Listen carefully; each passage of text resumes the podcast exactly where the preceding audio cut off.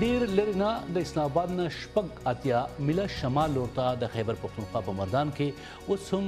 غیرقانونه تونلاري تنظیمونه د افغان جهاد په نامه چندې یعنی روپۍ ټولوي او انکاریانو ته د مرګ ګواښونه ورکوي لوکل طالبان چه کوم وو او دغه بهرني هم وو هغوی فوره فرنټډ چیټی وه هغوی سره په هغه کی زما تصویر وو او په هغه یی لیکلی وو چه توپیر ابشار به د جمعی په ورځ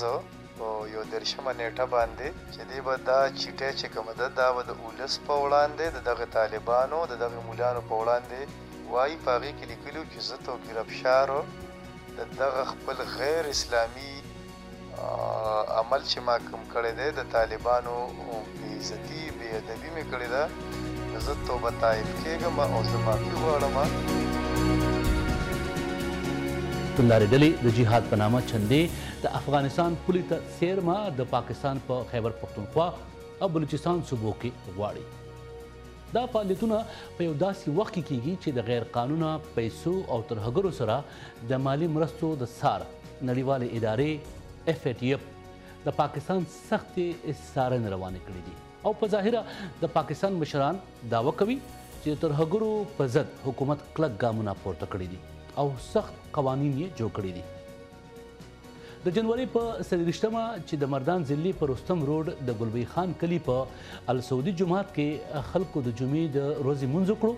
نو ځان ته د تحریک طالبان افغانستان نماینده ویونکي یو تن اعلان وکړو چې په افغانستان کې جهاد روان دی او مسلمانان دې دوی ته نغدې چندې ورکړي هم په دغه ورځ د دغه کلي یو استاد او شاعر توقیر ابشار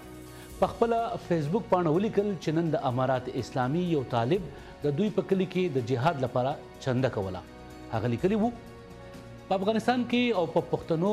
باندې د وارد کړی شوی جهاد او فساد حقیقت مې ورته ښکاره کړو او کور ته ترې راغلم د نورو سرچینو نه د تصدیق وروسته وي او آی ډیوا د هغلي ابشار په ټلیفون وویل چې کله یې دا اعلان واوریدلو نو غلی پاتې نه شو ابشار وایي طالبانو ته یې خواست کړو چې دا چندې مه کوئ هغوی ما ورته ووی دا چندې چې تاسو غونډوئ نو د پښتنو نه اخلئ او هم د پښتانه ترې متاثره کیږي تاسو که افغانستان کې جهاد کوئ او نوم د کفارو استعمالوئ خو تاسو په دې چندو پښتانه وژنئ که لر دي او که بر. ما ورته ووی چی دا چنده تاسو غونډوی او دا خو هم د دی پښتنو نه تاسو اخلی هم په دا پښتانه تی متاثره کیږی او تاسو د افغانستان حکومتی کارنده کافر ګڼی تاسو د هلتی عوام کافران ګڼی تاسو د هلتی عسکر چی کوم دی هغه کافران ګڼی. نو تاسو چې کوم ده نو تاسو هم په دې چندو باندې پښتانه وجنه یا کو لر پښتانه لري یا کو بر پښتانه لري زه د دې خبرې مذمت کوم او زه د خپل عوامو ته خواست کوم چې خدای ته وګوره او چنده مه ورکوي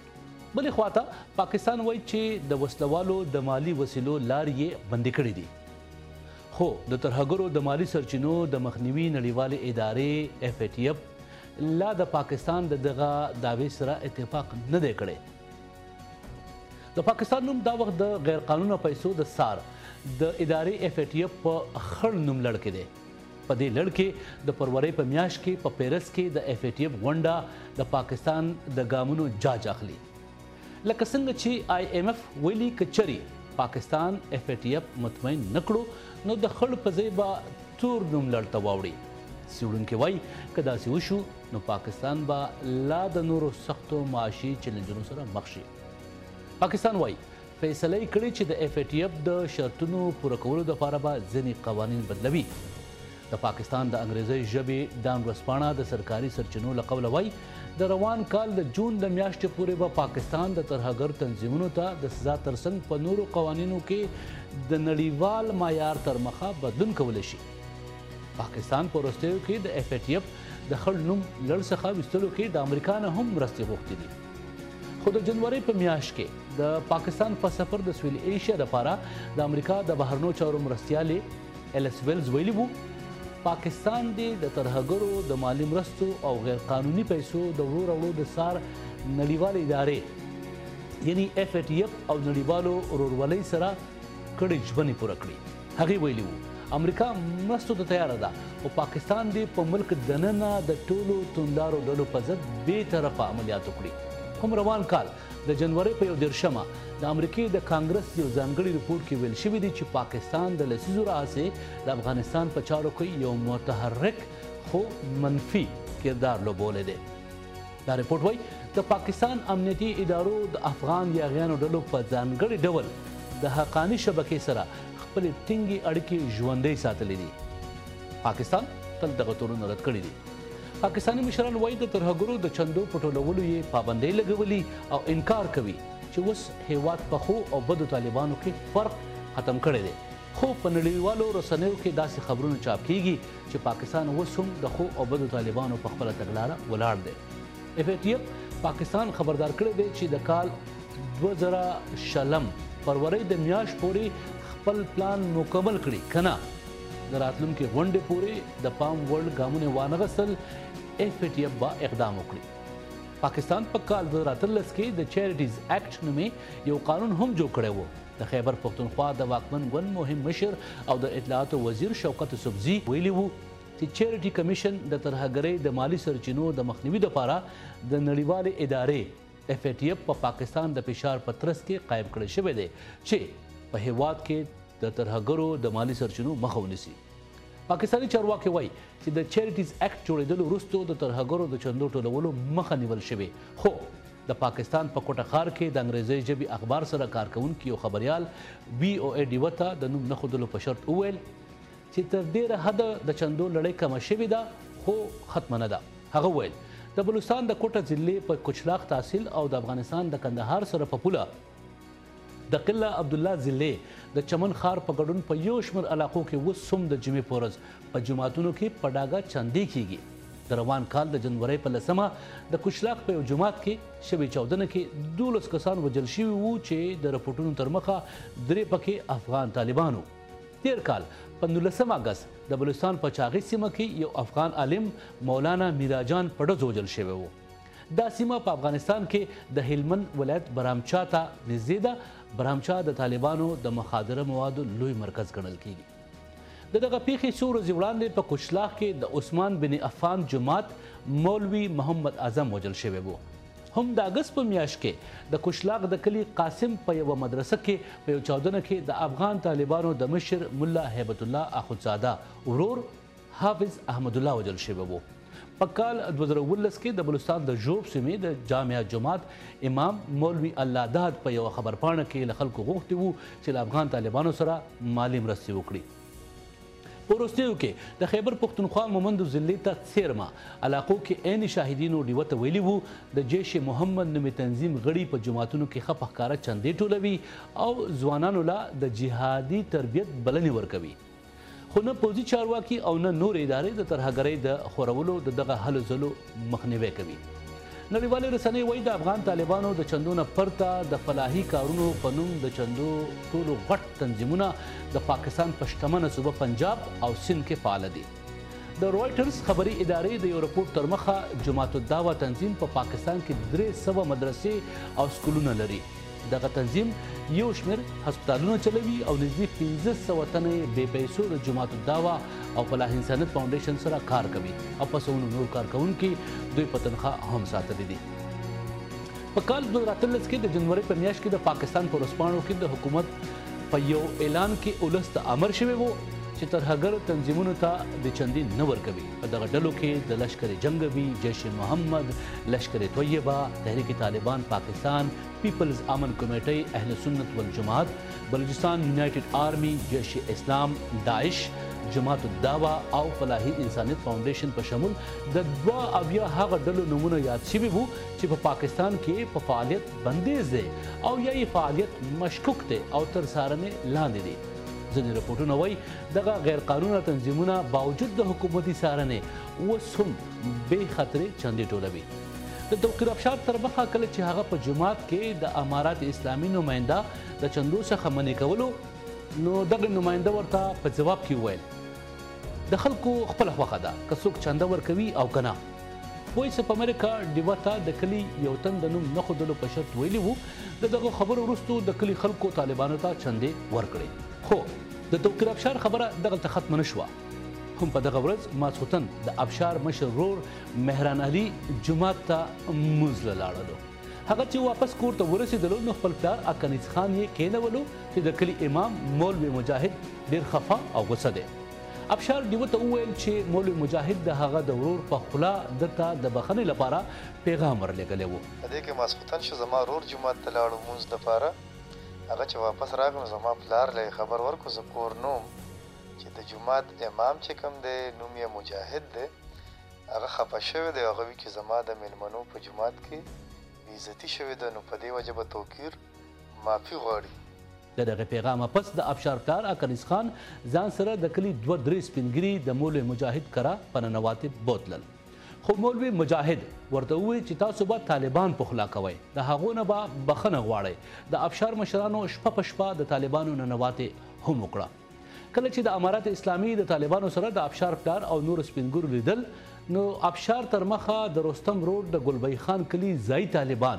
مولوي عارف او مولوي کامران الله هم ناست وو. افشار وايي چې پلار یې کور ته ستون شو، نو ډېر یریدلی و. هغه ورته. ویلي وو چې تاسو به ابشار معافۍ ته تیاروئ ګني انجام به یې ښه نه وي خو ابشار وي وي ډیوه ته وویل د خپل پلار ته چورلټ انکار وکړو چې د بخښنې غوښتلو هیڅ اراده نه لري ابشار وایي ما ځکه انکار وکړو چې زه په خپله خبره ملامت نه وم زما ضمیر ژوندی و او زه خپل ضمیر نه ملامت کولم. نو زه په خپله خبره کلک پاتې شوم، ما خپلو مشرانو ته انکار وکړو چې زه معافي نه شم غوښتې. د ابشار په انکار د هغه پلار خفه شو او ورته یې ووې چې تر څو دې بخښنه غوښتلې نه وي نو کور ته به نه راځې. هم په دغو ورځو کې دا خبره په ټولنیزو رسنیو خپره شوه، په یو شمېر شاعرانو او لیکوالانو په رسنیو د ابشار په حق کې لیکل وکړل، د درې کتابونو خالق وتلی شاعر ممتاز اورکزي په خپله فیسبوک پاڼه ولیکل چې د ابشار ژوند ته خطر دی. او د مردان ضلعي حکومت او مشرانو نه یې د ابشار د ژغورلو لپاره کردار لوبولو خواست وکړو. ابشار وايي په ټولنیزه رسنیو کې دغه خبرې په طالبانو ښه ونه لګېدې او یو خط یې ورته ولیکلو چې تا د طالبانو بې حرمتي کړې ده او معافي به غواړې. په خط کې ابشار ته ګواښ شوی و چې بیا د داسې خبرو نه توبه وباسه، معافي وغواړه او داسې خبرې په سوشل میډیا مه کوه ګنې بیا به ښه نه وي. د دغه خط یوه کاپي د ډیوه سره خوندي ده. وي او ای ډیوه چې کله په دې لړ کې د مردان د پولیسو سپرنټنډنټ انعام جان سره په ټلیفون رابطه وکړه او د دغه خبرو پخلی ترې وغوښتو نو هغه وویل چې دی د دې نه خبر نه دی خو یو ځایي خبریال د نوم نه ښودلو په شرط ډیوه ته وویل چې انعام جان نه یوازې دا چې د دې خبرې نه خبر وو بلکې د افشار سره ملاقات هم کړی وو او هغه ته د احتیاط مشوره او ډاډ هم ورکړی وو هم دا خبره افشار په خپله مرکه کې ډیوه ته کړې ده. د انعام جان نه وروسته ډیوه د مردان ضلعې د پولیسو د افسر سجاد خان سره په ټلیفون رابطه وکړه. سجاد خان وویل چې هغه د دغه پېښې نه خبر شوی دی خو فی الحال تحقیقات روان دي او نور څه نه شي ویلی. سجاد خان دا هم وویل چې په هېواد کې په غیر قانونه چندو پابندۍ دي. که یو خوا پولیس چارواکو د دغه پېښې د تصدیق نه انکار وکړو نو بلې خوا افشار ډیوه ته وویل، په دې پیښه کې پولیسو د ده د طالبانو سره روغه هم وکړه. د ابشار تر مخه د پولیسو سب انسپکټر حسین علي ورته ټلیفون وکړو چې زه تا سره ملاویدل غواړم. بیا پولیس افسر چې وو هغه ابشار ځان سره جومات ته بوتلو او د ځايي طالبانو سره یې ورله ملاقات وکړو. ابشار وايي زه په دې شرط جومات ته لاړم چې معافي به نه غواړم او بیا به دوی دلته چندې نه کوي. دغه سب انسپکټر حسین علي صاحب چې کوم وو نو هغه پاڅېدو او ټولو مشرانو ته او دغه یعنی دواړه فریقین ناست وو هغوی ته یې وویل چې د نن نه پس نه به دلته هیڅوک طالبان نه راولي او دلته به چانده هم نه غونډیږي دا یو قانوني جرم دی او بس نور بلکل څه نه به صفایي کوی نه به څه کوی بس تاسو به روغوال کیږی. دغه وخت د سیمې د پولیسو انسپکټر پرویز هم موجود وو. د پاکستان پولیسو د ابشار د ځای طالبانو او امارات اسلامي د طالبانو سره روغه جوړه وکړه خو د هغه سره فکر مل دی خطره لا ختمه نه ده. روغه خو د هغه کسانو کیږي چې هغه د کلي عام خلک یو او څه ستونزه یي ترمینځ دا خو یو جهادي تنظیم وو او خو هغوي اعلان کړو چې موږ د امارت اسلامي سره تعلق ساتو نو څنګه پولیسو دا وکړل چې او هغه دې کوله او فریدي صرف په دې بنیاد چې بس توپیر سره روغه وکړي او نور دې آزاد ګرځي نو زه په دې خبره باندې ما سره هم یاره موجوده ده او زه اوس الرډي زه به بالکل داسې نشم کولی چې ډاډه وګرځم ما سره به دغه یاره موجوده وي زما مشرانو سره زما مور او پلار سره زما